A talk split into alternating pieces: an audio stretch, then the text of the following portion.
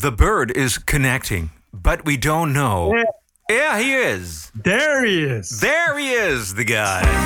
This is the TPO podcast. Ongeloofwaardige journalistiek is de schuld van rechts. Een deel van de politiek voedt dit. En, en werkt mee aan dat vijandbeeld. In Amerika zien we Trump het doen, maar ook in Nederland zien we bij de PVV, bij Forum van Democratie. Die voeden het wantrouwen richting de journalistiek. Het enige antwoord op de woke-terreur is... No! Nou ja, nog een antwoord. No! En Donald Trump verklaart alle Twitter-stormen. You know, it used to be in the old days before this, you'd write a letter and you'd say, This letter's really bad. You put it on your desk and then you go back tomorrow and you say, Oh, I'm glad I didn't send it, right? But we don't do that with Twitter, right? Aflevering 184. Ranting and Reason. Bert Bresson, Roderick Phalo. This is the award winning TPO podcast. Het is. Aflevering 184. Het is maandagavond 29 juli. Ik dacht, laten we even beginnen met het coronavirus, Bert. Want er spelen op dit moment een aantal zaken. In Leiden is al begonnen met het testen van een vaccin op mensen. Eh, België die heeft de maatregelen aangescherpt. Groot-Brittannië wil mensen uit Spanje, jij dus, in quarantaine. En in Ja. Nederland woedt de discussie of mondkapjes in winkels verplicht moeten worden of niet. Tja. En voor iedereen die al buiten Nederland is geweest, weet dat eigenlijk dat laatste helemaal geen discussie is. Precies. De Chinezen die liggen al maanden helemaal krom van het lachen. Omdat die sneu Hollanders nou, gewoon niet gewoon normaal mondkapjes dragen. Zoals zij zo'n beetje al 2000 jaar gewend zijn. Ja, precies. En Nederland is nu ongeveer nog het enige land ter wereld... waar ze nog steeds niet aan de mondkapjes willen. Het is Ja. echt heel bizar aan het ja, worden. ja. En niet zozeer speelt volgens mij eh, de wetenschappelijke analyse dat mondkapjes in principe niet zo heel erg veel uit hoeven maken. Hè? Ik bedoel, eh, maar Mhm. eh, wat er hier vooral speelt is de gedachte dat eh, ja, het RIVM of de overheid je muilkorft en dit soort dingen van je eist. En Ja. ik, ik moet eerlijk zeggen dat ik toen ik in Italië was eh, vorige week, dat ik ook dacht van huh, raar. Of ik moest daar echt eventjes aan wennen. Maar goed, je bent in een ander, ander land, dus slanswijs, Ja. slans eer. Hè, dat is ons geleerd.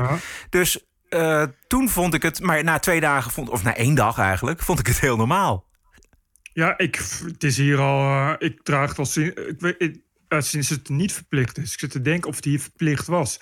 Hoe dan ook, toen hier de lockdown eh, inging en we moesten naar de supermarkt, moest je ook een, lok, een mondkapje op en zo. Ja. Dus ik ben er al helemaal aan gewend. En het is hier überhaupt nooit een issue geweest. Het was hier automatisch, mondkapje. Ja. En dat is eh, echt in sommige landen, dus inderdaad Aziatische landen.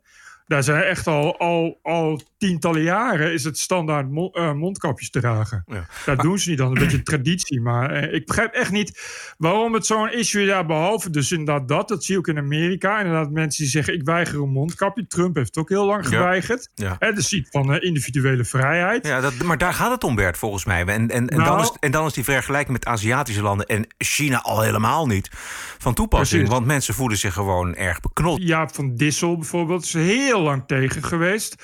Ook, ook al eh, waren er ook voldoende wetenschappelijke onderzoeken die het tegenovergestelde zeggen.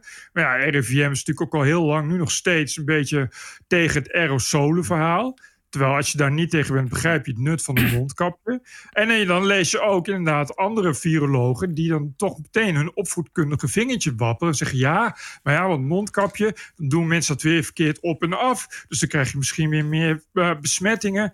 Dus zijn- is ook een soort van, van angst voor wat de burger doet. Terwijl volgens mij is het zo dat het overgrote merendeel van de besmettingen komt inderdaad van, van, van, Van menselijk contact. Ja. Ja, en niet, niet van, volgens mij is het inmiddels al, al, ligt het inmiddels al een tijdje behoorlijk onder kritiek dat het überhaupt mogelijk is om besmettingen te doen via, eh, via oppervlakte. Dan krijg je het verhaal van ja, want dan eh, raak je een deurklink aan en dan na je mondkapje. En dan is je mondkapje ook besmet en dan, en dan adem je dat weer in. Of je, doet, je raakt je gezicht aan tijdens het op- en afdoen van het mondkapje. Maar ik vraag me af hoeveel besmettingen überhaupt er zijn geweest tot nu toe van mensen die eh, eh, dat hebben gedaan via een oppervlak. Volgens mij is dat echt heel erg beperkt. Het echt overgrote merendeel komt natuurlijk gewoon van, van mensen die dicht bij elkaar staan, van Ja. mond naar mond. Ja, er zijn van die mooie filmpjes die, eh, die dat spugen eh, laten zien. Hè? Dus Juist. mensen met een mondkapje en mensen zonder een mondkapje. En, dit- Ja. en zijn hè, mensen die praten bijvoorbeeld.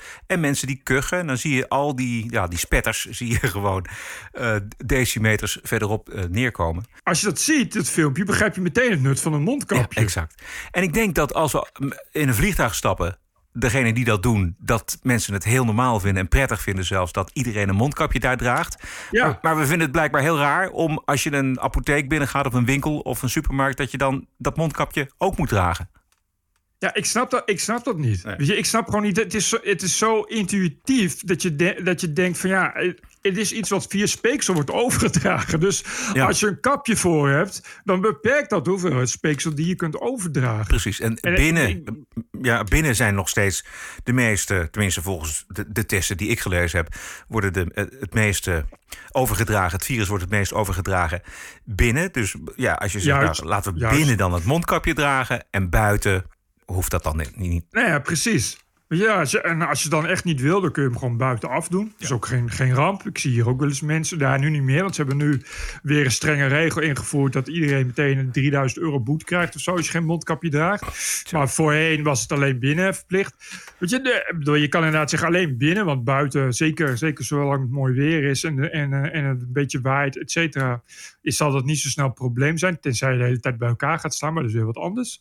Dus wat is dan het probleem? Die Ja. 10 minuten dat je binnen bent, een mondkapje. Je kan toch intuïtief aanvoelen hoe dat werkt, hoe dat helpt. Ik, ik snap gewoon, dat, dat lijkt mij licht zo voor de hand. Maar ja, ik geloof dat, eh, kijk, dat RIVM is de hele tijd gesplitst naar allemaal groepen die echt oneindig lang gaan zeuren over, over, over de laatste komma van wetenschappelijke haalbaarheid. Terwijl je in dit soort processen natuurlijk ergens ook slagen moet gaan maken. Ja. moet gaan zeggen, oké, maar ja, weet je, misschien is het toch maar beter om dat nu dan in te voeren. Dan kunnen we daarna verder zeuren over wie er echt het meest gelijk heeft. Maar ja, tot die tijd is het misschien wel het beste om te doen. In Leiden, zoals ik al zei, is begonnen met het testen van een vaccin op mensen. Op dit moment zijn er wereldwijd volgens mij iets van 163 potentiële corona-vaccins in ontwikkeling. Zeker 23 daarvan worden er op dit moment bij mensen getest. En de rest zit nog in een soort van fase van nou ja, laboratoriumtesten en testen op dieren. Dit is wel eh, op zich veelbelovend, moet ik zeggen. Ik, ik zou niet weten hoe lang dat duurt en wanneer we allemaal een prik kunnen halen. Maar eh, dat kan niet heel erg lang meer duren, volgens mij. Nee, het gaat zo, zo snel. Ja, sneller dan gedacht ook, volgens mij. Vorig, volgend jaar al, misschien al begin volgend jaar, dat je de eerste, eerste dingen hebt. Eh, wat, ik wel, wat ik wel lees, eh, is, is, en dat vind ik raar, dat er heel weinig melding van wordt gemaakt, dat er een kans bestaat dat het überhaupt niet lukt om een werkend vaccin te krijgen. Omdat bijvoorbeeld dat virus, eh, eh, je maar heel beperkt immuniteit kunt krijgen van het virus. En er zijn genoeg virussen op de wereld waar we helemaal nooit een vaccin op hebben kunnen vinden. En ik vind dat tot nu toe eh, is het echt gebracht alsof het automatisch zo is dat je daar een vaccin voor gaat vinden. En dat is geen, absoluut geen zekerheid. Maar bedoel je dat, stel je hebt een vaccin en dit is een virus wat heel snel muteert weer in een variant waar dan weer geen vaccin voor is? Bedoel je dat? Bijvoorbeeld, dat je, hebt een je hebt een vaccin en dat werkt dan drie maanden. Ja, wat ga je dan doen? Wat heb je daar dan aan? Want dan ga, moet je elke drie maanden moet je dat vaccin eh, eh, opnieuw indienen. Maar dan krijg je bijvoorbeeld dat het dan na die drie maanden weer gemuteerd is. Ja, ja. Maar het is niet, dat, wat ik bedoel te zeggen is dat het veel ingewikkelder is dan tot nu toe. Hebben we alles, alles op alles gezet hele tijd op een vaccin. Ja. En het wordt voorgesteld of, of van over anderhalf jaar is een vaccin en dan komt het allemaal goed. Maar dat hoeft dus niet per se zo te zijn. Ik wil niemand ongerust maken. Nee. Maar dit is niet, niet iets wat één op één per definitie waar is. Ik bedoel, het AIDS-virus is ook een virus. Er is geen vaccin voor. Nee. Het is alleen medicijnen, cocktails die symptomen bestrijden en virussen onderdrukken. Maar dat is wel heel wat anders dan een vaccin. Ja, ja. Het wordt een beetje eh, eh, gedaan alsof er een, een wondermiddel aan het, aan het ontwikkelen is. En dat is, Exact. hoeft niet het geval. Het hoeft niet het geval. Het kan wel, Bert, laten we, maar het hoeft niet. Alle- alles kan. En wat Ja. je doet nu, wat nu hebben ze gezien dat het, dat het erop lijkt, inderdaad, dat er wel afweer wordt aangemaakt, maar, maar te weinig. En, heel, en dus inderdaad maar tijdelijk. Dat als je dan een jaar later het virus krijgt, dat je het dan alsnog gewoon helemaal krijgt. Eh, en ehm, Overigens, wat je ook ziet, is dat mensen zeggen van ja, vaccin is een industrie waar veel geld aan wordt verdiend. En dat schijnt dus ook niet zo te zijn. Uh, omdat je, uh, als je een vaccin wilt gaan maken, je een enorme industrie moet gaan optuigen. Wat ze nu doen is testen en dat is wat anders. Je hebt dus een race naar een vaccin en daar wil je een patent op. Dat betekent als je daarna wilt gaan produceren, dat je aan allerlei eisen moet gaan voldoen. Uh, en dat levert niet zoveel winst op als dat je normaal gewend bent in uh, in de farmaceutische industrie. Want normaal maak je medicijn en dan zeg je: Oké, ik heb een geweldig medicijn, werkt bij iedereen. Ik wil 100 miljoen euro voor per pil. Weet je wel? Dan ja. krijg je van die dingen dat mensen zeggen: Je hebt belachelijk. Ja, dat is gewoon winst winst. Bij een vaccin gaat het niet werken, want er gaat niemand het kopen. En de regering moet het kopen. Alleen die regering moet daar wel geld voor hebben. Uh, en, het is, het, en dat blijft natuurlijk altijd laag. Dus ik, iedereen die denkt. Um, dat er een gedachte achter zit van Bill Gates die daar heel rijk mee zal worden. dat, bij vaccins gaat het niet gebeuren, kan ik je nu al vertellen. Het kost meestal bijna meer dan dat het oplevert. Waarvan akte? Even iets heel anders. Woensdag ging het bij Op 1 op de televisie over agressie tegen de publieke omroep, de, het NOS-journaal en Omroep Gelderland. Achter de schermen hebben journalisten grote moeite om hun werk te doen. Voor de NOS en Omroep Gelderland is de maat vol. Hé hey jongens, doe even normaal. Ik sta gewoon de boeren te interviewen. Wat probeer je nou te bereiken? Het gaat om uh, wat jullie verspreiden. Prima, dat kan, ga ik zo Ook even. over de boeren. Dan ga ik zo even met je in discussie. en dan sta ik je even te woord, maar laat André even zijn ding doen. Ja, dit is Edwin van den Berg van het NOS-journaal bij een Ja. boerenprotest. Die wordt lastiggevallen door mensen van een actiegroep die heet Nederland in Opstand of zoiets. Ehm, beveiligers moeten mee. Dit was een discussie, ging over het wantrouwen richting de NOS en de publieke omroep. eh, de nieuwsvoorziening, maar ook eh, richting eh, RTL. Weliswaar in mindere mate. Nog één keer, Edwin van den Berg. De boeren die ik vandaag heb geprobeerd te spreken voor mijn verslag voor het journaal, die hebben toch veel wantrouwen naar de publieke omroep. En ja, die willen heel vaak niet met mij spreken. Ja, ik- dat lijkt me dat die boeren daar een eh, heel goed punt hebben. Want? Om met iemand niet te spreken als je daar geen vertrouwen in hebt. Het is toch geen eh, verplichting om journalisten te woord te staan, of wel? Nee, het is geen verplichting, maar het is wel. eh, ik ben wel benieuwd naar het wantrouwen. En daar gaat dit eigenlijk over. Dat vind ik het meest interessant. Het wantrouwen richting de journalistiek of de kranten of de NOS of de televisie. Ehm, het is wel mooi als je, bedoel, eh, ook als boeren de kans krijgt om te vertellen wat je te zeggen hebt in het acht uur journaal van de NOS en dat je dat dan niet doet. Dat lijkt mij ook. Toch? Maar goed, ja, nee, dat ben ik met je eens. Ik zou ook zeggen, grijp die kans. Nou, Dat, dat, is, dat is toch de reden waarom je daar naartoe gaat. Hè? Om, om, om te laten zien wat je dwars zit. Dus dan komt er iemand die zegt: Vertel mij wat, wat je dwars zit. Dan kan ik dat aan de rest van de wereld laten zien. En dan doe je het niet. Tegelijkertijd zeggen die boeren: eh, Van ja, eh, maar de manier waarop jullie ja, het brengen.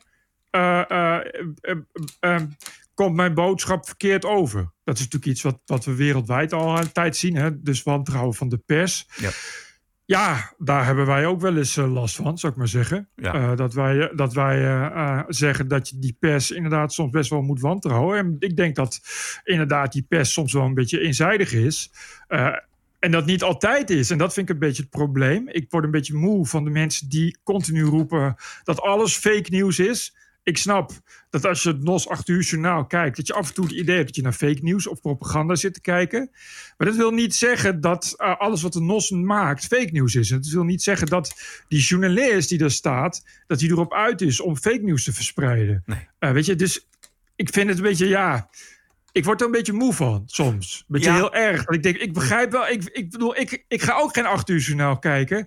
Maar het is niet zo... Ik kan ze daar niet op betrappen... dat, dat het 8 uur journaal eh, zegt... Ah, alle boeren die we vandaag hebben gesproken zijn criminelen. Weet Nee. je wel? Of, of wat dan ook. Het, volgens mij valt het... eh, zeker als je dat vergelijkt met nou, de New York Times of Washington Post over Trump, valt het bij de Ja. NOS nog wel mee, Ja, ja, eerlijk gezegd. Ja. Het, is even twee dingen duidelijk scheiden. Het wantrouwen richting de NOS of andere nieuwsmedia. En de agressie die we in het eerste fragment hoorden. Namelijk ehm, actie, actievoerders van Nederland in opstand... die dan uit zijn op de plotkap van uh, Edwin van den Berg. Intimideren, dat is buitengewoon kwalijk. Maar dat wantrouwen vind ik toch een interessant uh, thema. Laten we even luisteren naar uh, Marcel Geloof, de hoofdredacteur van de NOS. Die zat ook bij dat programma op één. Een deel van de politiek voedt dit. En, en werkt mee aan dat vijandbeeld. In Amerika zien we Trump het doen, maar ook in Nederland zien we bij, bij de PVV, bij Forum van Democratie. Die voeden het wantrouwen richting de journalistiek, richting de publieke de Hoe bedoel je dat? Nou, door, door uit te spreken um, dat wat wij doen niet valide zou zijn. Uh, dat we een agenda hebben. Wat allemaal onzin is. De NOS-redactie is volstrekt onafhankelijk, staat in de wet. Zijn we, zo functioneren we. En dat de, de, de, politiek zou juist nu in een tijd waarin de tegenstellingen blijkbaar steeds groter worden. voor de journalistiek moeten staan. In plaats van die tegenstellingen verder vergroten en dat, en dat misbruiken. Volgens mij is het zo dat uh, die mensen reageren op een wantrouwen wat door jullie zelf veroorzaakt wordt. Ja. En populisten kunnen dat verder uitbuiten, maar dat wantrouwen hebben ze niet veroorzaakt. Dat was er al. Sterker nog, een reden waarom die populisten aan de macht zijn gekomen is dankzij dat wantrouwen wat die mensen hadden in de media. Ja, precies. Maar zo, wat kunnen jullie hier als hoofdredactie nog aan doen? En, en ook om je, je eigen mensen te beschermen? Nou ja, door daarover uh, over te praten. Door uh, hele feitelijke maatregelen te nemen als bewaking mee besturen. Maar ook door uh, toch maar eens over naar buiten te treden. een jaar of twee, drie geleden is de journalistiek is vanuit de journalistiek het initiatief Persveilig begonnen. Dus hebben we ook de journalistiek aangesproken op meld. Uh, als je iets overkomt, hè, beschouw het niet als gewoon. Beschouw het niet als een onderdeel van je vak. Laat het bestaan. Ik denk dat het belangrijk is dat de journalistiek zich hierover uitspreekt. Dat zichtbaar is in de samenleving wat er met de journalistiek gebeurt. En dat daarmee de samenleving, de democratie wordt aangetast. Het gaat maar dat niet, is wel allemaal repressief, hè? Je zit nee, het is niet allemaal repressief. Het, Dit is Sandrina Haddering, hoofdredacteur van Omroep Gelderland. Het is, het is, het is benoemen wat je, wat je, wat je belangrijk vindt en, en dat uitspreken. En de mensen aanspreken nou, die, die, dat, die dat mede voeden. Uh, en ik denk dat juist in deze tijd de journalistiek gesteund zou moeten worden... in plaats van verder verdacht gemaakt. Sandrina? Nou ik zit wel heel tijd te zoeken... hoe kan je nou aan de voorkant uh, uh, mensen vertellen dat je objectief bent... dat je voor al die meningen staat. Dus niet voor één mening, maar voor al die meningen. Ik, ik heb het idee dat we daar ook nog wel een, een soort van taak... of een soort van iets, iets te vervullen. Zij zegt, ja, misschien doen we dat eigenlijk niet goed. Precies, daar ben ik het helemaal mee eens. Ja, daar ben ik het ook dat, mee eens. Dat is namelijk de issue. Wat ik mooi het verschil vind tussen geloof en haddering... is de introspectie, de bereidheid om Juist, te kijken naar jezelf. En bij, bij geloof zie ik dat niet. Hij zegt het wel even tussen neus en lippen door. Maar het probleem is volgens mij heel erg bij journalisten... en bij de journalistiek dat zij denken dat ze onfeilbaar zijn. Je hoort het ook in Precies. de woorden van geloof. Die zegt, Precies. ja, we, we moeten gesteund worden. Waarom moeten we gesteund worden? Je, je, je steunt jezelf... En er is helemaal niks aan de hand als je open en transparant bent. Als We je... moeten helemaal niks sowieso. Nee. nee. nee, maar bedoel, het, het, het, het lijkt alsof je als je journalist bent en je werkt voor een organisatie als NOS of RTL of de Volkskrant of de Telegraaf, dat dan automatisch je geloofd wordt. Waarom zou dat? Waarom zou je automatisch geloofd moeten worden als je daar werkt? Het is mooi als dat precies. gebeurt, maar ik heb liever kritische lezers, kritische kijkers, kritische luisteraars die iets terugzeggen, die zeggen, nou, eh, klopt dat wel? En dat je dan bereid bent om te zeggen, nou, hebben we misschien niet goed gedaan of uh, dat uh, hoort er ook nog bij. Dus als je transparant blijft, dan ontstaat dat vertrouwen vanzelf. Precies. Nou ja, dat, ik, ik zie dat inderdaad ook. Kijk, zo, iemand als Omroep Gelderland is daar veel beter in. Die hebben natuurlijk ook wel meer contact met hun achterban. Ja. Kijk, die, NOS is natuurlijk toch een beetje een ivoren toren. Dat weet jij als geen ander. Je weet, als je, als je uh, RTL Nieuwsredactie... Uh, ja, die, dat, is, dat is altijd, dat is uh, al, al, jaren zo. Dat beetje zo'n running gag, weet je. Dat RTL Nieuwsredacteur kun je makkelijker een biertje mee drinken... dan een NOS-redacteur. Terwijl ze maken hetzelfde, hetzelfde nieuws, weet je wel. Dit is echt een soort, soort van sfeertje van... wij zijn, wij zijn de top of the world of zo. En dan inderdaad, wij brengen de waarheid. Ja, wij kunnen terwijl, geen fouten maken. Terwijl, ja, weet je, hoezo? Weet je, waar, waar, en als ze een fout maken, zoals bij die Divi-bokaal, daar komt er heel veel ophef over. Nou, als je dan, dan leest wat Marcel Geloof daar dan van vindt, denk je ook van, nou, dit ontbreekt je toch een beetje aan introspectie, volgens mij. Misschien moet je je dan eens afvragen waar al die mensen dan zo boos over zijn. En misschien kun je dan denken, ja, misschien is er ook wel iets mis dan met mijn idee daarover. Maar dat zit er gewoon niet zo in. Nee, en dat, is, ik dat, dat, dat ligt een beetje journalist, journalist eigen, volgens mij. Ik bedoel, de, de, de- de- echt niet alleen Nou. bij de NOS. Nou, ik denk het wel. Ik denk dat, weet je, wanneer was nou het laatste grote introspectiemoment van de journalistiek? Volgens mij, volgens mij was dat in 2016, toen Donald Trump won... en dat eh, grote Amerikaanse kranten als de Washington Post Oh, en ja. New York Times zeiden... hé, hey, wacht even, dit hebben we niet zien aankomen. Hebben wij wel voldoende contact met de samenleving? Nee, was natuurlijk het antwoord. En toen is veel veranderd, hè? Nou, oh nee, wacht. nee. Nou, dus is er, drie weken is er iets veranderd. En drie weken zijn ze naar zichzelf gaan kijken. en hebben ze wat mensen aangenomen die ze daarna ook wel weer hebben ontslagen. Dus eh, dat die, intro- die, die periode van introspectie die duurt niet zo lang. Maar dat is iets. Ja, ik, ik mis dat zelf heel erg bij journalisten eh, in het algemeen.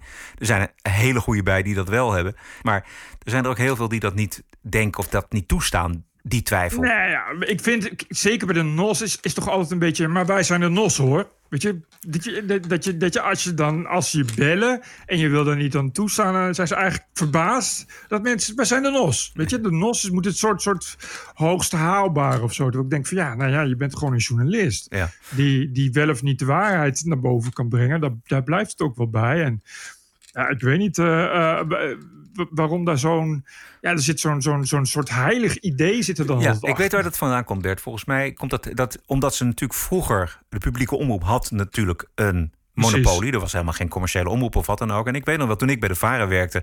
dan gingen die salarisonderhandelingen gingen altijd heel erg stroef en ingewikkeld. Omdat zij Ja. dachten van, ja, maar wacht even. Je werkt wel voor de Vaarhouwer. Dan moest Ja, je, dat- dan moest ja, dan moest dat. ja, dan moest je dus echt... dan moest je denken, nou, niet de hoofd van de toren blazen. Je mag voor de Vara werken. Ja, een soort status heeft het. Ja. En, en dat status, dat, dat zit ook in die journalisten. We kennen natuurlijk voldoende voorbeelden ervan ook. Omdat ze ook op tv zijn. Dat maakt het natuurlijk, natuurlijk nog erger. Eh, ja, weet je. En, en die, die Marcel Geloof heeft dat ook een beetje. Dat is natuurlijk een beetje, beetje problematisch. Alhoewel, ja, ik, ik blijf het toch vaak opnemen voor Marcel Geloof. Het is tegelijkertijd ook iemand die wel altijd eh, open staat voor discussie. Het is, het is niet iemand die dan, die dan daar ook iets mee gaat doen. Maar het is tegelijkertijd wel iemand die, die naar buiten komt. Als er boze mensen voor, voor, het- voor het gebouw Ja, staan. dat heeft hij gedaan. En het is En dat- natuurlijk zijn taak om de NOS, het NOS-journaal, eh, om dat te verdedigen. Precies. Maar, En, maar het is niet zo dat hij. Dat is niet iemand die, die zegt van. Ach, dat gepeupel, daar luister ik niet naar. Zo is het ook weer niet. En hij, het is wel. eh, Ik vind. Hij, hij doet ook wel zijn best om, om het transparanter te maken. Maar ja, het probleem is ook dat die organisatie. op zichzelf niet transparant te maken is. En dat is ook een probleem. Want ik, ik ken. eh eh, eigenlijk vooral goed de website van de NOS goed. En die vind ik de laatste jaren heel veel beter geworden. En toen, een paar jaar geleden, kwam ik toevallig met iemand in contact die daar de boel draaiende hield. En, en ik zei, nou, ik vind het wel beter geworden. En die, nou, die jongen zei ook van, nou, ik ben zelf ook niet zo links. Dus ik ben heel blij om dat te horen. Want ik doe mijn best. En die zei ik van, ja, maar je moet je beseffen... eh, dat ik tig deelredacties heb. En dat er niet één persoon is die daar elke dag die artikelen vult. En dat het niet allemaal communicerende vaten zijn. Dus het is onmogelijk hè, om dat zo, zo te stroomlijnen. Ja, om, En- ja. En om, om, En dat- om evenwichtig eh, beeld te krijgen... of een evenwichtig beeld te scheppen van de Nederlandse samenleving?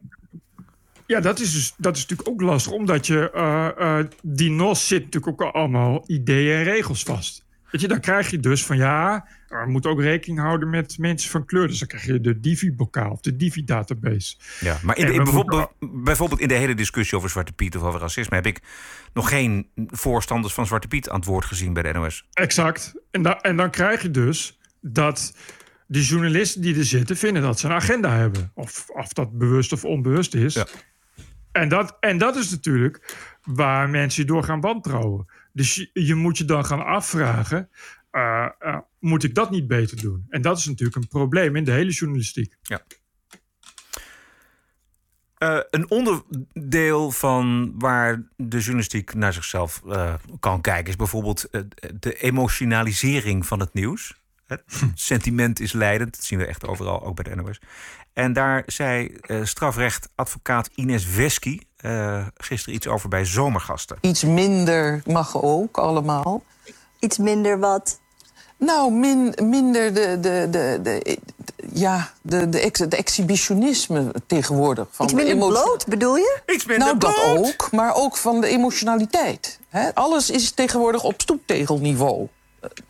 De journalistiek soms. De- de- men gaat niet informeren hoe is dit allemaal ontstaan, deze aardbeving... en wat, wat is hier dan aan de hand hier in, op deze plek op aarde... qua politiek en dergelijke. En hoe is dat ontstaan, dat conflict? Nee, we gaan een voorbijganger eh, vragen en hoe, een soort Ja. van, en hoe voelt dat? Ja, dit hier heeft ze gewoon helemaal gelijk in. Ja, exact. En het probleem is natuurlijk dat als de NOS dat doet, dat dat problematischer is dan dat de Telegraaf of Hart van Nederland dat doet.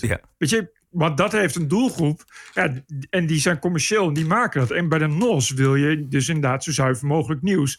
Dus je mag verwachten dat een organisatie met voldoende geld en voldoende mensen dat doet. Tegelijkertijd willen die kijkcijfers. En dat is, daar gaat het probleem zitten. Want de reden waarom de journalistiek steeds meer ja, eh, infantiliseert naar dat niveau, is omdat je eh, anders te weinig mensen trekt. Ja, en omdat ze het verwijt vroeger kregen dat ze te elitair waren. Dus ze willen nu Juist. juist, op stoeptegelniveau mensen interviewen. Daarom krijg je dus Dries Rolvink op Radio 1. en dat soort, dat soort mensen. Dries Roelvink op Radio 1 is niet meer, Nee, dat klopt. het was een zwarte dag voor de radiogeschiedenis. Als je dat nog mag Ja. zeggen. Zullen we het hierbij laten? Eén ding. Ik vind het leuk dat daar een discussie over wordt gevoerd. Maar die had ik jaren geleden al eens willen horen. Toen eh, verslaggevers van Pownet standaard de beveiligers bij zich moesten hebben.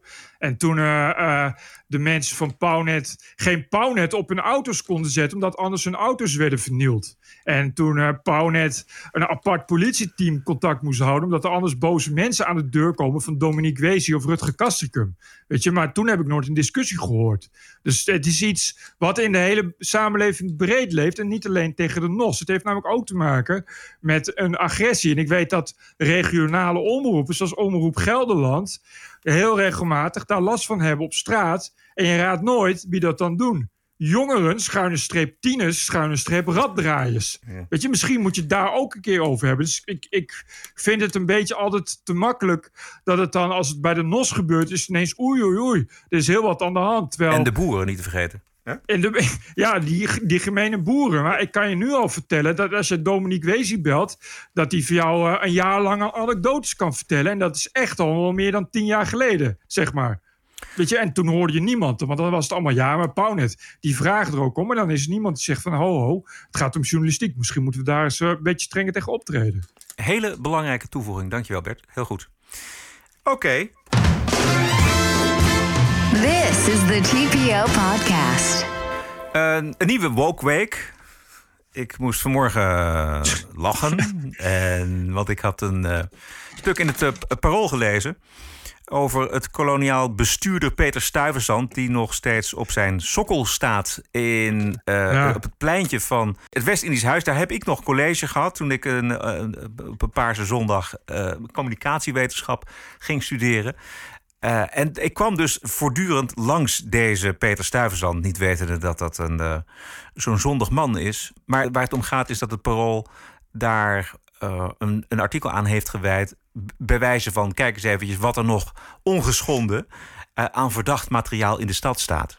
Ja, bij wijze van laten we de loop even richten. Nou, precies. En er een kaart bij eh, zetten. en, een loop, en een route hoe je het snelst ook weer weg kunt komen. En dan met de oproep of het misschien beklad kan worden. En van zijn sok gehaald. dat was een beetje de strekking van het artikel. Als ik het goed heb. Ja, ik heb het hele artikel gelezen. En de laatste twee alinea's waren toch wel vrij duidelijk. Ja. Er was een historicus kwam er aan het woord, een docent van de Universiteit van Leiden, die zegt: Niet veel mensen weten dat het beeld hier staat. Bij deze dus wel. Ja. Hebben we dat van eh, die club de school al gehad of niet? Hoe vatten we dat samen? Nou ja, je hebt een, je hebt een club, Club de School in, in Amsterdam. Dat is eh, eh, van de makers van Club Trouw. En dat is dan zo'n hele succesvolle technoclub. Waarvan eh, de hele scene zegt van eh, top. De hele wereld zegt van daar moet je een keer geweest zijn. Maar het is natuurlijk een hele progressieve toko. Dus er komen progressieve millennials en zo. En het is ook echt een deurbeleid. Je mag er alleen in als je bril hip genoeg is. En weet ik veel wat voor gelul. Dus dus dat, dat je een beetje weet, wordt veganistisch gegeten ongetwijfeld. Nou ja, weet je, je weet welke sfeer het is. Maar goed, die, die moesten dicht wegens corona. En op de dag dat ze weer open gingen, hadden ze op Instagram gezet: hoera, we mogen weer open. Ja, Instagram eh, kwamen ineens eh, alle boze, boze, boze Black Lives Matter types. Die werden boos op Instagram omdat die club, de school, eh, zich niet had laten horen in, naar de Black Lives Matters nasleep. Eh, Tja, zou je denken. Maar dat zwol maar aan en dat zwol maar aan. Waarop die club zei: Weet je wat, we gaan er een debatavond over organiseren. Nou, zo gezegd, zo gedaan. Het gevolg was dat alle boze marxistische sloopmillennials naar de debatavond kwamen. En in plaats van een debatavond, een open inquisitieavond hebben georganiseerd. Waarop de directeuren van de club, wat zeg maar, ja, toch ondernemers zijn met een betrokken hart.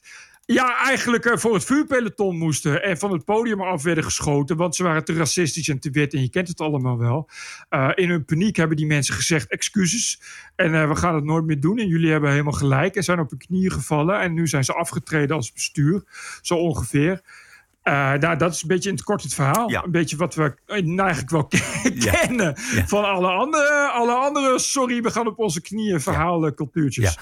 Het, het meest schokkende was misschien wel niet alleen dus de Mao-methode om mensen publiekelijk aan te pakken. En, en, en er waren ook geen journalisten waren er toegestaan in, in verband met ruimtegebrek, had ik begrepen. Las Die ik in- waren er wel. Ja, die was ja, dat was precies. Vooraf werd gezegd, eh, journalisten zijn niet welkom, want ruimtegebrek. Maar wat, wat zo schokkend was, vond ik, was dat, je, dat het eigenlijk dus niet uitmaakt of je nou progressief of woke of wat dan ook bent. Er is op een gegeven moment een groep mensen die jou kapot wil maken en die maakt jou kapot. Dus het maakt niet uit of je, en of je nou toegeeft of niet, maakt ook niet uit. Want dat was inderdaad de strategie van de directie. We bekennen schuld. Nou, maakt niet uit. Exact. Je gaat er gewoon aan. Dat Nee, is. en, en er staat ook letterlijk, eh, in de, de, Volkskrant had er een verslag over gedaan. Ja. Het is een chilling verslag, echt. Ja, ook echt. Ook echt niet des Volkskrant, want het was inderdaad bijzonder objectief. feitelijk, zeer Dat- feitelijk, gruwelijk. Zeer feitelijk. Maar er stond op een gegeven moment dat tijdens die, tijdens die ja, laten we het de openbare executieavond noemen, ook dingen werden gezegd eh, als. Eh, je, je, mag het, je mag het er niet, niet mee eens zijn, want dan ben je racist. Ja. En je mag alleen maar. Je mag, enige wat je hier mag is schuld bekennen. Iets terugzeggen mag niet, want dan ben je ook een racist. Eh, en er stond ook iets van. eh, het is tijd. dat je leert dat als mensen zeggen dat ze gekwetst zijn, dat het dan zo is. Ja. Dat je dat dan accepteert. Ja. Of Dus, los, van je en- bedoelingen. Ja, precies. Ja. Dus je moet schuld bekennen. En als je schuld bekent, moet je ophoepelen. Punt. Ja, ja, ja, dat. En nu kreeg ik vandaag, dus nou, net tien minuten geleden, een mailtje van, van een fan, een vast luisteraar, Theo Ploeg. Eh, daar hebben we wel eens vaker wat ook van voorgelezen. Die zegt, ja, die zegt, ik ben al sinds de jaren negentig eh, ben ik een fan van die school, of in elk geval van, van die techno-scene. En hij zegt, het punt is dat het juist een hele tolerante, echt, echt typisch overgewijd uit de jaren negentig, een hele tolerante scene is. Waar eigenlijk, eigenlijk altijd geldt van ja, eh, eh, leven en laten leven. Weet je, op dat idee. En hij zegt, het is echt een hele kleine groep die dit doet. Omdat de meerderheid staat er echt totaal niet achter en hebben hier helemaal niks mee. En dat is het trieste ervan. Maar waarom laat die grote groep dan niks, niks van zich horen? Waarom is er geen steunbetuiging aan die directie? En zeggen, jongens, dit is allemaal totale kwatsch. Opzouten ermee en we gaan gewoon lekker door. Die is er wel, maar die directie is zo bang dat ze voor dat kleine groepje op de knieën gaat. Wat, het punt is natuurlijk dat je geen eh, openbare avond organiseert om steunbetuigingen te laten weten. Je organiseert alleen een openbare avond als je het ergens niet mee eens bent. En je wil alleen maar een, eh, iemand weg hebben omdat je er boos op bent. Terwijl als je ervoor bent, hoef je dat niet te doen. Je gaat niet een avond organiseren om directie die nog in het zadel zit, in het zadel te houden of zoiets. En zou, dan bij de, zou bij de, probleem. zou dan bij de selectie van die avond... Het, het ging vooral om medewerkers. Ging het, eh, ja, en het, is, het was een avond waarop vooral de mensen kwamen die boos waren. ja, ja. En er werd ook wel op geselecteerd, inderdaad, van, van wie dat waren. Want dat zijn dus inderdaad criticasters en medewerkers. Want er waren twee zwarte barmeisjes. Ja. Die, dat is wel een belangrijk detail. Twee zwarte barmeisjes die daar eh, ja, voor, voor een low-wage bardiensten doen. Die, eh, mag ik het zo uitdrukken, hun kant schoonzagen. En daar ineens bovenop sprongen. En zeiden, oh, dat is inderdaad waar. Er wordt hier veel te weinig gedaan voor mensen van kleur. En wij willen een eh, betere positie. Precies. En ineens, bam, nu hebben ze een betere positie. Want mogen ze gaan meeschrijven aan het beleid. Ik noem dat dan opportunisme. Ik weet niet hoe andere mensen dat noemen. Maar die mensen noemen dat kennelijk activisme. Of eh, rechtvaardigheid. Maar ik noem dat gewoon heel laf opportunisme eigenlijk. Nou, misschien was het wel een, een, opzetje, want er werd ook onmiddellijk gezegd daarna van er moet meer gedaan worden voor donkere mensen. Eh, dat wordt niet gedaan, want kijk maar, de directie is wit. Ja, en er werd dan gezegd van ja, want eh er is maar eh, 25% van de DJ's zijn zwart. Ja, jezus, Mina. Terwijl ik weet niet. Volgens mij is het zo dat als je zo'n club programmeert, wil je goede DJ's. Ja. Kan gewoon zijn dat er ook niet zoveel goede DJ's zijn die zwart zijn. Oeh, ik durf het bijna niet te zeggen. Ik durf het bijna niet te zeggen. Maar je zou denken, je, je kiest gewoon DJ's. Ja, dat zijn nou toevallig heel veel eh, blanke DJ's. Maar dat is lijkt dus- me niet. Ja, dat, dat, dat is dus het, de, de, de, de geschiedenis. Dat is, dat is vroeger. Dat je DJ's koos op of ze goed zijn of niet. Zonder gedachte aan huidskleur. Ja, dat, precies. Dat kan niet meer. Tegenwoordig moet je eerst kijken naar iemands huidskleur en hoe iemand eruit ziet. Dat, is, dat zat ik me vandaag af te vragen. Ik, ik reed, reed in de auto en, ik, en ik, ik, ik scande dus mensen.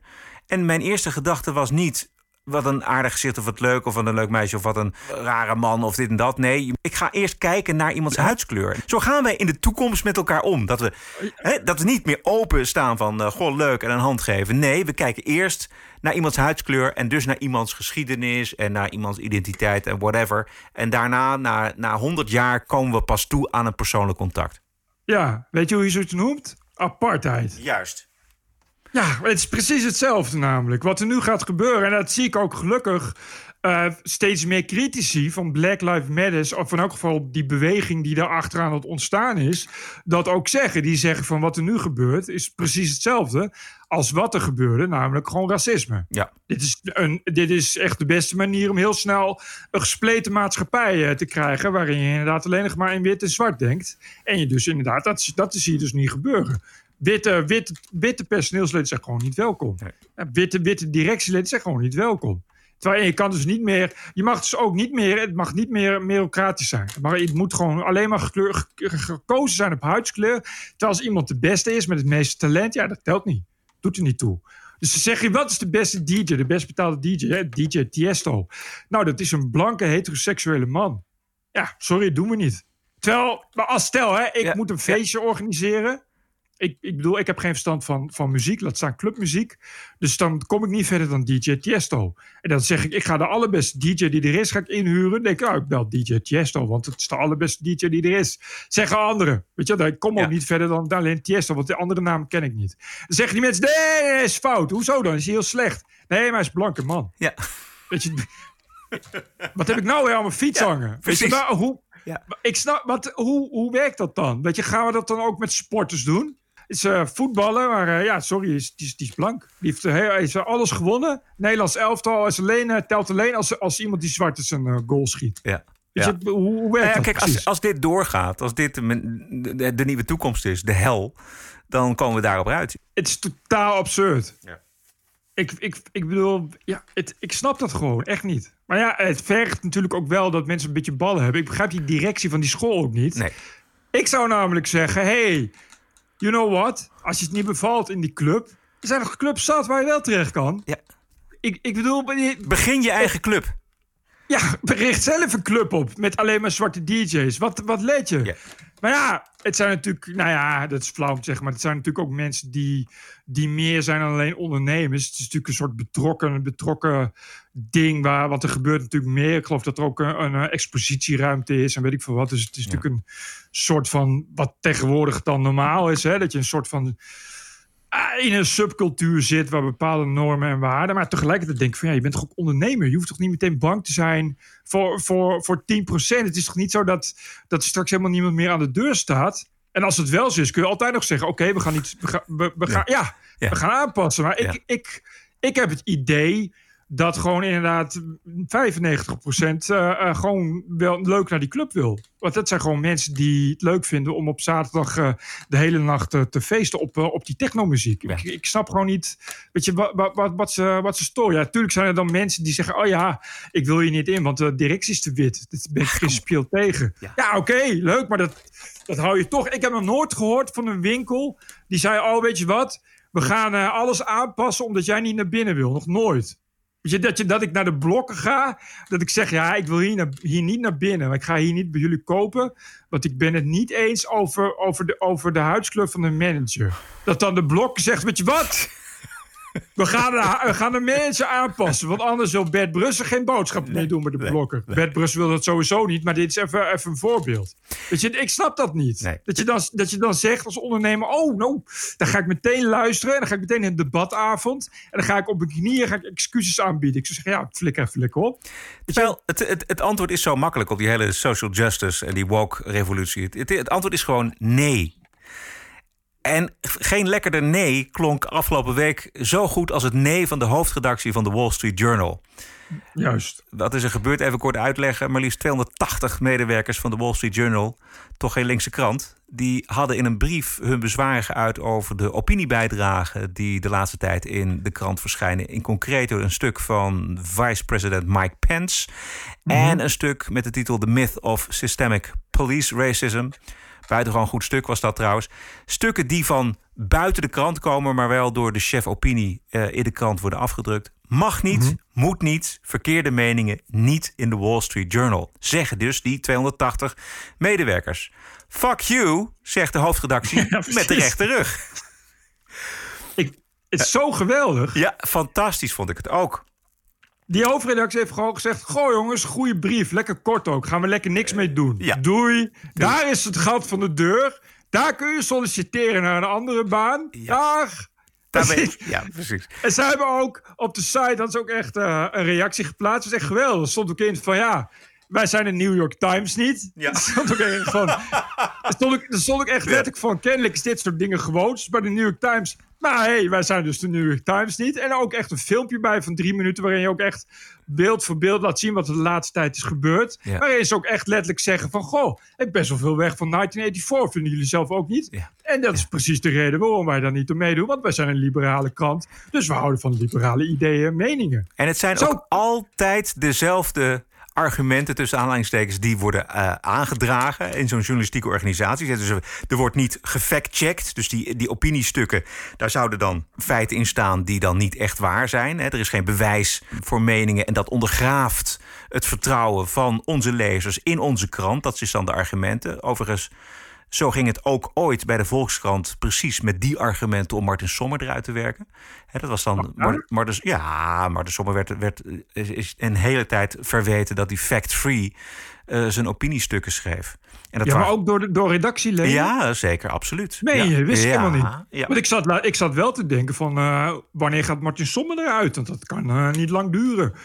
Als je, dat, als, als, als je in die hele, hele woke cancelcultuur... dan is Martin Sommer natuurlijk de eerste die straks zijn hoofd eraf gaat. Want wat hij allemaal schrijft, zo rechts en populistisch... oei, oei, oei, dat moeten we niet willen in een kwaliteitskrant. Ja, maar is, is dat echt al helemaal is al geweest ook echt? Dat ja, dit is echt geweest. Ja, dit, waren de, een aantal, ja, dit waren een aantal collega's van hem die hem uh, ja, terecht vonden... en dus uh, kwamen met, ja, maar hij schrijft uh, meningen op waar geen bewijs voor is.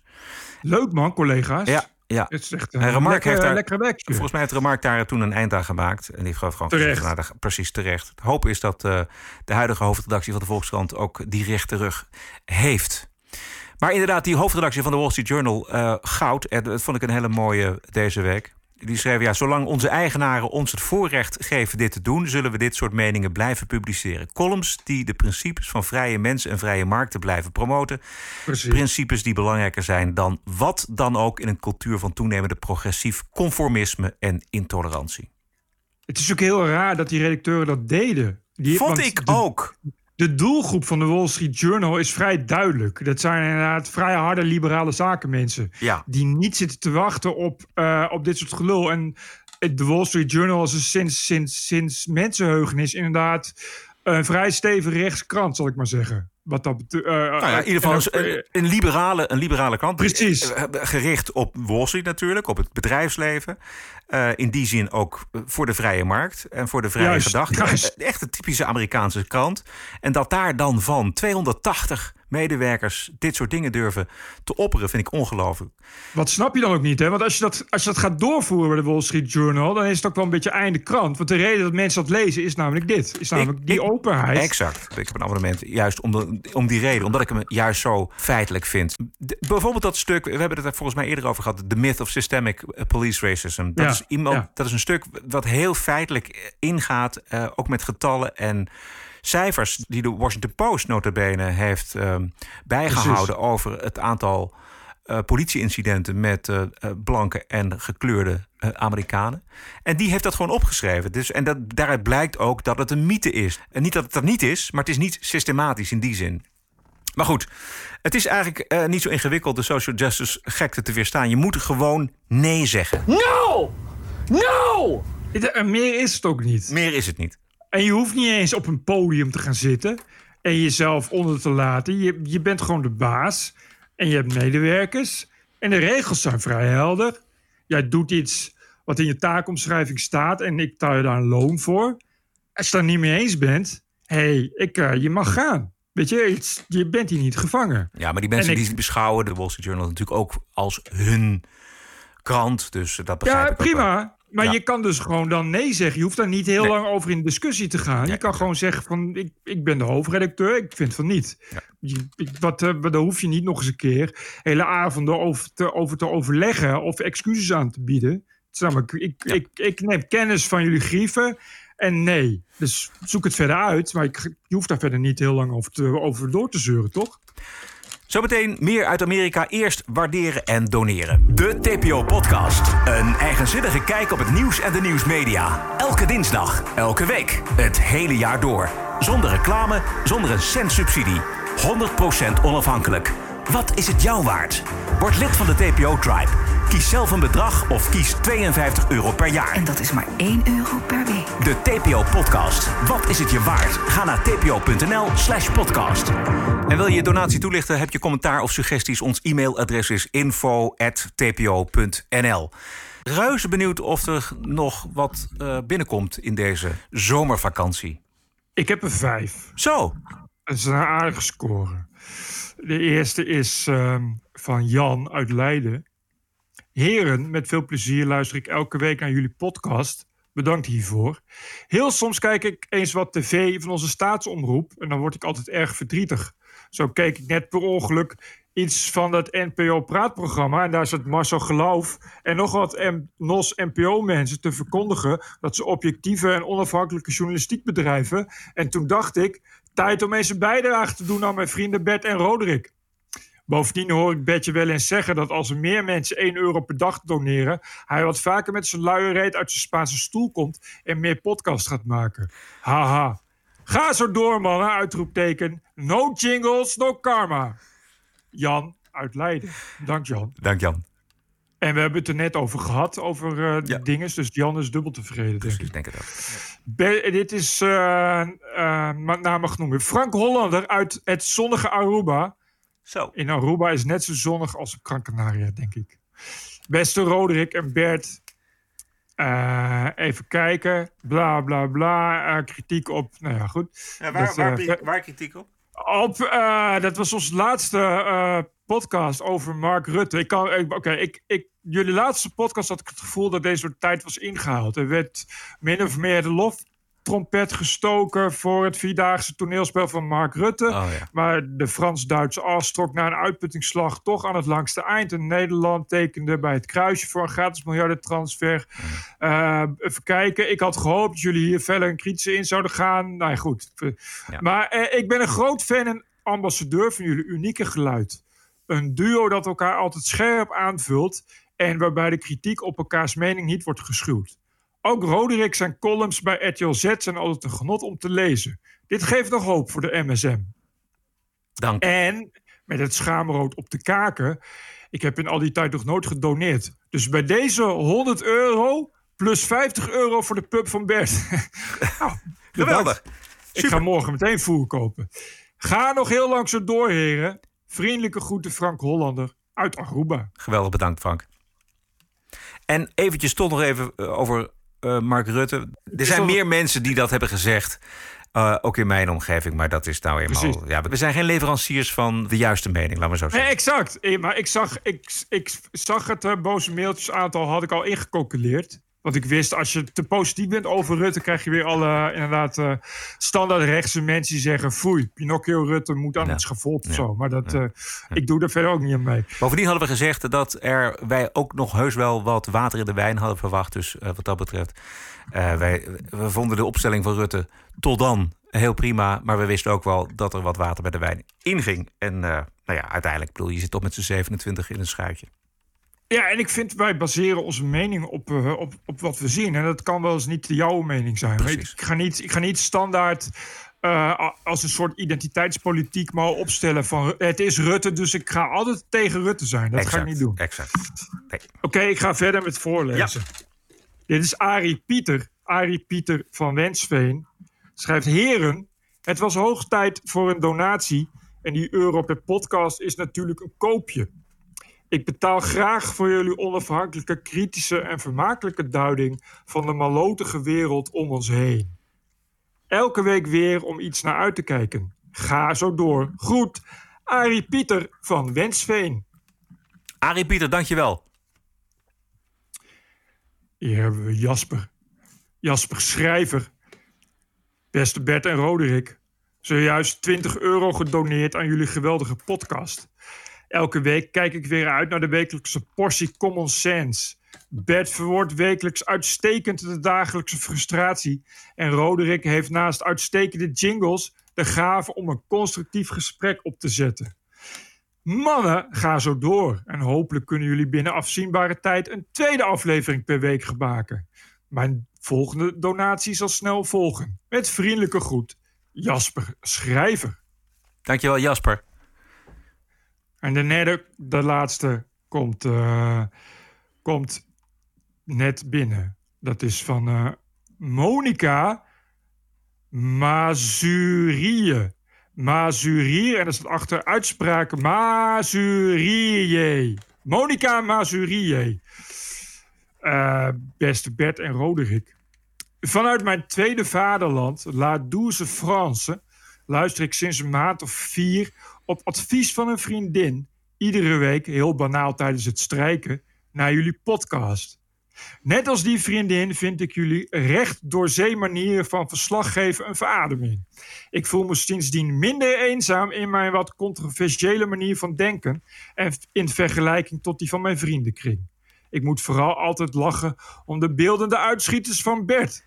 Heerlijk! Uh, een kleine correctie. In Frankrijk hebben ze. Oh, dat gaat over de podcast van vorige week. In Frankrijk hebben ze de pensioensgerechtigde leeftijd wel degelijk omhoog gebracht. Namelijk van 58 naar 62 jaar. Oké. Maar dan moet je, moet je wel 40 jaar gewerkt hebben. En in die vrije beroepen geldt net als in Nederland 67 jaar.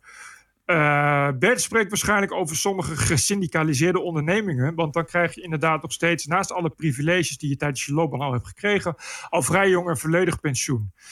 Verder schreeuwen in Frankrijk degenen die nog nooit iets of weinig zinnigs in hun leven hebben gedaan het hardst. Maar dat is geloof ik inherent aan gewend zijn aan makkelijk geld met allebei komende voordelen verdienen. Klagen is hier verder een nationale sport. Ja, precies. In Frankrijk zijn ze daar goed in. Anyway, ik wens jullie veel succes en ga niet herhalen wat al die andere mensen schrijven, maar dat is ga zo door. Maar weet dat ik jullie erg zou missen als jullie ooit zouden stoppen. A très bientôt, Monica Mazurie. En natuurlijk heb ik een donatie van 52 euro gedaan. En als mijn man heel lief voor me blijft, dan doe ik dat over een tijdje weer. Oh, we blijven te weten waar de donaties vandaan komen. Maar bedankt, Monica. Monica, leuk om. Uit Frankrijk. Precies, dat we ook eens een keer een uh, afgevaardigde van uh, de dames die luisteren naar de TPO-podcast horen uh, in het schrijven. Wilt u ondersteuner worden van de TPO-podcast? Dat kan met ideeën of suggesties. Mailen kan naar info.tpo.nl en een financiële ondersteuning stellen wij op hoge prijs. Waarderen en doneren kan op tpo.nl/slash podcast. Even één ding nog. Uh, het klinkt alsof we altijd alleen maar lof uh, voorlezen. We krijgen ook bijna alleen maar lof. Uh, ik vind je mag wel kritiek hebben, dan moet je wel iets zinnigs opschrijven. En bij mij betreft, als je opschrijft, ik vind Bert een ontzettend kneuzige lul, dan wil ik het allemaal best voorlezen. Dat is het probleem niet. Maar mensen die kritiek leveren, zijn dus altijd mensen die zeggen: Ik heb kritiek, want jullie noemen Rutte niet rechts. En wel hierom. En dan krijg je een manifest van 13.000 woorden. En ja. dat ga ik dus allemaal niet voorlezen. Het is nee. prima als je, als, je, als je iets leuks hebt om te zeiken. Als je wil zeggen uh, waarom wij enorme klootzakken zijn, dan willen we dat best voorleggen. En als je voorlezen.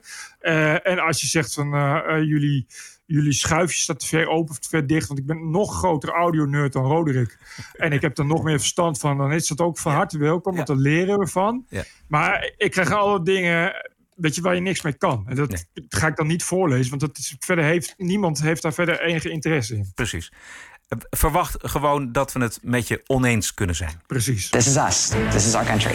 This is CNN breaking news. I believe that the president is literally an existential threat. Stop the hammering out there. Who's got a hammer? Make America great again. New York Times and CNN have also smeared veterans like myself. This video was taken during a heated exchange with an unidentified man who called Cuomo Fredo. Stop the hammering. This is the TPO podcast. News 630 WMAL, Washington. In Portland heeft de federale politie ingegrepen met traangas. En de burgemeester van Portland, dat is de democraat Ted Wheeler... die schaarde zich voor het oog van de camera achter de demonstranten... en dus tegen de federale politie. tonight is to stand with you no matter what.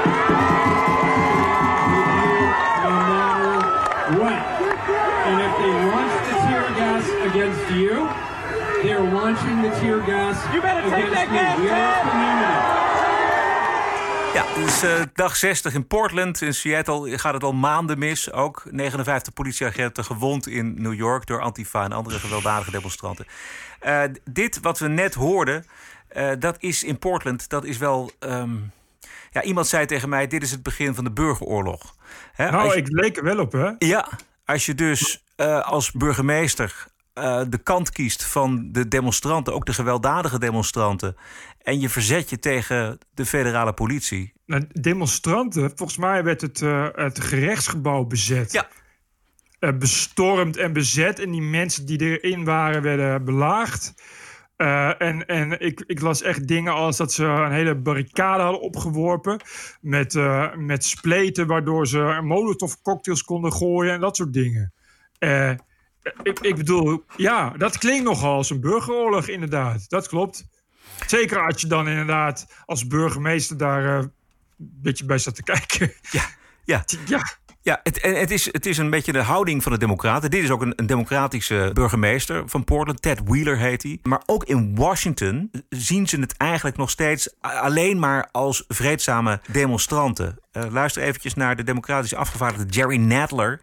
Die aangesproken wordt op straat. En hij denkt dat het geweld een mythe is. That's a myth that's being spread only in Washington, D.C. About Antifa in Portland? Yes. Sir, there's there's videos everywhere narrative. online. There's fires and riots. There's they're throwing fireworks at uh, federal officers. DHS is there. Look online. It gets crazy, Mr. Nadler. Wow, so he thinks it's fake news. Antifa's a myth. Yeah, Antifa's a myth in Portland. Meanwhile, the whole city is on fire and they're trying to burn down the courthouse. Dit is dus een democratische afgevaardigde in het Huis van Afgevaardigden, die Jerry Nadler. Ja, het wordt ook de hele tijd geframed als van ja, dit is Trump die eh, met de verkiezingscampagne bezig is. Ja. Dus het wordt, wordt gewoon helemaal eh, continu weggeschoven. Terwijl, ik weet niet, het, er wordt gewoon inderdaad echt. Er wordt een gerechtsgebouw bezet. Ik weet niet hoeveel symbolisch je het wil hebben, maar het is niet zo dat hij die burgemeesters niet heeft gewaarschuwd. Of dat die burgemeesters niet eh, voldoende tijd hebben gehad om orde op zaken te Juist. stellen. Ja. Dus stuurt die federale agenten. Eh, nu wordt dat. Ik, ik, ik ben niet op de hoogte van, van, eh, van hoe, hoe precies dat de schending van de Constitution is. Dat zou, eh, het zou goed kunnen dat, dat er wel heel veel te haken en ogen aan zitten. Maar het wordt wel in de MSM ook helemaal geframed als Trump probeert nu de verkiezingen te winnen. En ook inderdaad, Trump probeert geweld uit te lokken, zodat hij de verkiezingen kan winnen. Ik heb e- eerlijk gezegd niet het idee dat het Trump is die geweld uitlokt. Nee. Het is volgens mij vrij duidelijk dat die railschoppers ook wel echt al een tijd zijn. En daar ook al een tijd mee bezig zijn. En dat het ook heel ver gaat. Dat hebben we al gezien, ook in Seattle. Hè, waar echt een autonome zone. Waar een soort warlords met volautomatische wapens. hele, hele wijken overnemen. Terwijl de burgemeester daar een beetje bij staat te grijnzen. En zegt dat het de Summer of Love wordt. Ik begrijp wel dat, eh, dat de Trump eh, federale agenten stuurt. Ja, ik ook. Ehm, iemand moet de orde eh, handhaven. Het is toch bijzonder dat daar democratische burgemeesters zijn gekozen.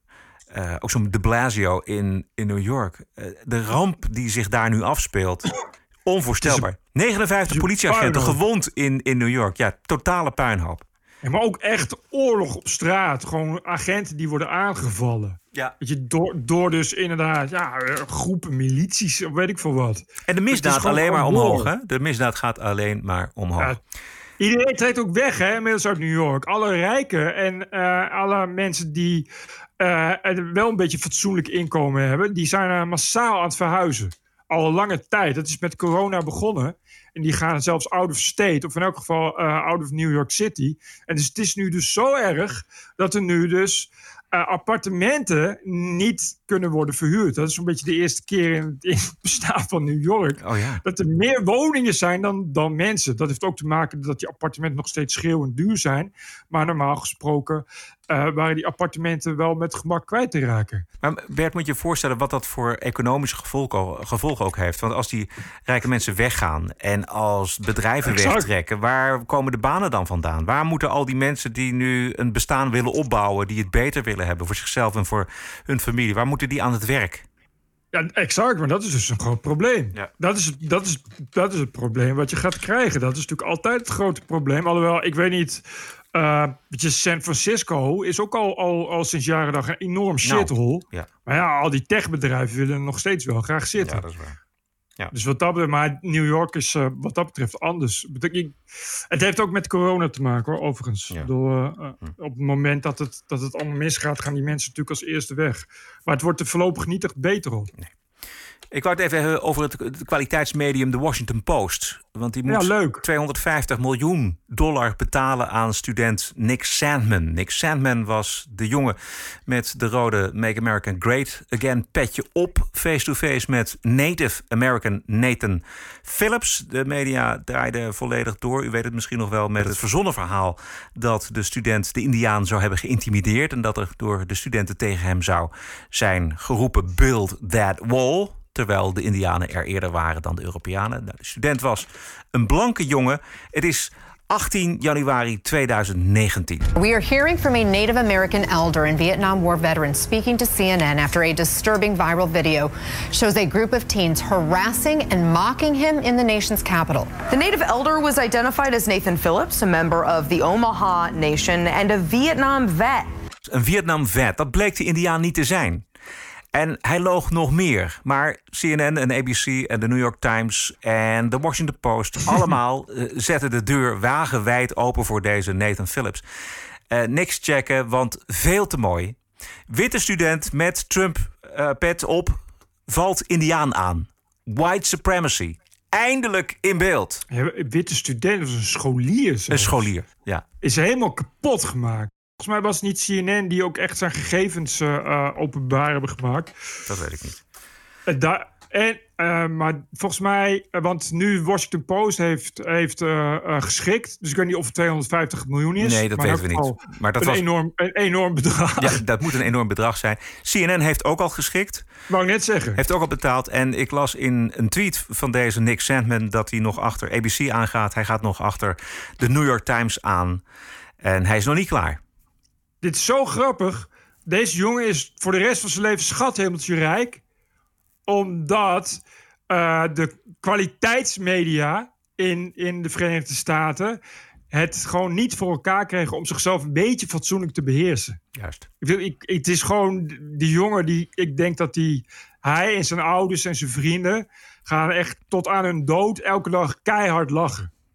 Dat is echt, ik geloof niet dat al het geld gaat naar hem. Hij heeft gewoon wel een soort van fonds ingericht voor mensen die slachtoffer zijn van dit soort uh, media-hetzers. Ja. Maar Bert, we hadden het net uh, over de geloofwaardigheid van de journalistiek. Als er iets de journalistiek in uh, Amerika ondergraafd heeft het afgelopen jaar, dan is het deze situatie.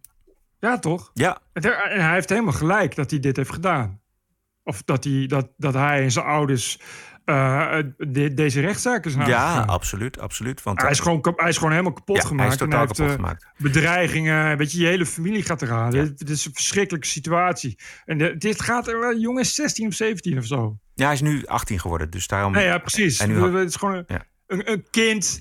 Weet je, wat dan landelijk door, door landelijke nieuwsmedia, maar ook echt zonder scrupules. Hè? Dus zonder enige, enige, enige aarzeling of ook maar, ook, ook maar een beetje uh, ethische grens... waar ze normaal altijd zo bomvol van zijn... gewoon echt voor de leeuwen gegooid. Ja. Heeft overigens niet zijn fout toegegeven. Die hebben eh, gewoon gezegd van wij hebben eerst dat verhaal verteld. Toen bleek dat, het, uh, dat de man, dus die Native American, het niet goed verteld had. Hebben we het verhaal anders verteld. Dus ze zijn ook nog eens um, zich niet bewust van welke ellende ze veroorzaakt hebben in hun eerste versie ten aanzien van die scholier Nick Sandman. Um, na zo'n megafout van de mainstream media, dan is er op kleine schaal, laat ik het zeggen, een, een klein momentje van zelfreflectie, uh, kritiek. Dit is Trevor Noah van The Daily Show. En vervolgens hoor je Whoopi Goldberg in The View van ABC. And then it becomes this thing of like, oh, these kids, they harassed this man, and this, you know, this is this horrible story. And then you see you see the, the, the additional videos come out, and I go. if I was the news, I'm like, you guys, surely you guys could have just searched on social media before reporting the story. Just a simple search. Just search. You would have found it all. Is it that we just instantly say that's what it is based on what we see in that moment and then have to walk stuff back when it turns out we're wrong? Why is that? Why is do we keep making the same mistake? Because we're, cause we're desperate to get Trump out of office. That's why. Ja, er wordt gelachen, maar she nailed it.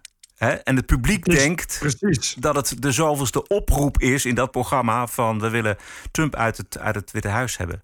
Maar dit is absoluut wat er aan de hand is. Why is do we keep making the same mistake? Because we're desperate to get Trump out of office.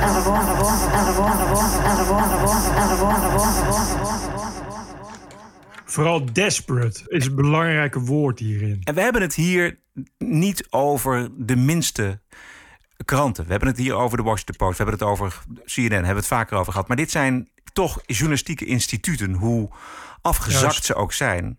Maar die, die maken dus dit verhaal omdat ze van Trump af willen. We hebben dus nu te maken met machtige instituten die wanhopig zijn. Ja, wat natuurlijk een recipe voor disaster is. Zeker voor je democratie. Het sentiment Trump moet weg. Daar heeft de journalistiek in Amerika uh, drie jaar lang, vier jaar, bijna vier jaar lang op gedreven. En dat heeft zulke erbarmelijk slechte journalistiek opgeleverd.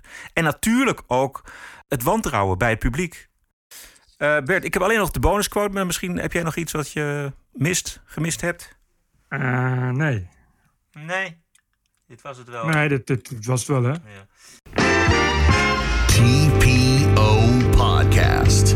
Ja, ik zag een leuk interview met Donald Trump. Geen stijl had het zaterdag van de Barstool Sport website. Blog, interviewer uh, is uh, Dave Portnoy.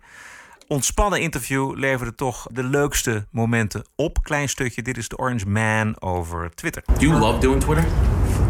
There are times when I love it. Yeah. Too much sometimes, right? Yeah. Do you ever tweet out and be like, wake up, be like, oh man, I wish I didn't send that one out? Often, too often. Yeah. You know, it used to be in the old days before this, you'd write a letter and you'd say, This letter's really bad. You put it on your desk and then you go back tomorrow and you say, Oh, I'm glad I didn't send it, right?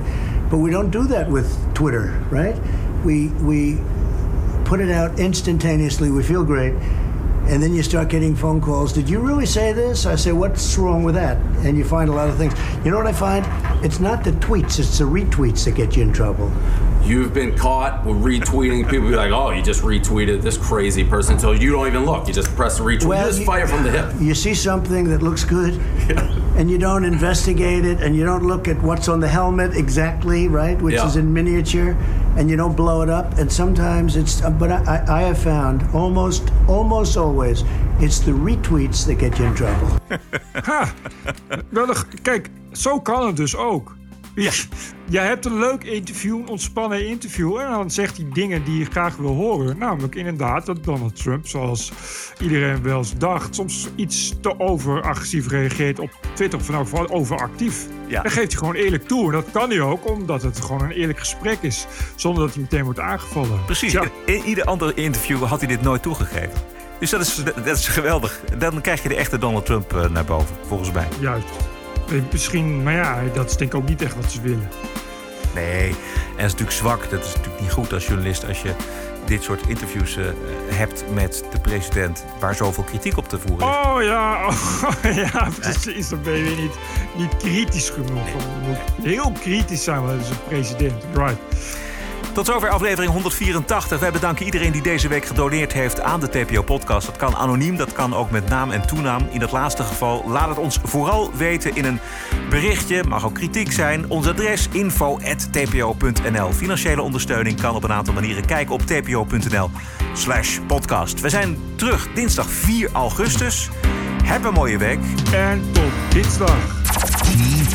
TPO Podcast. Bert Bruson, Roderick Balo, Ranting and Reason.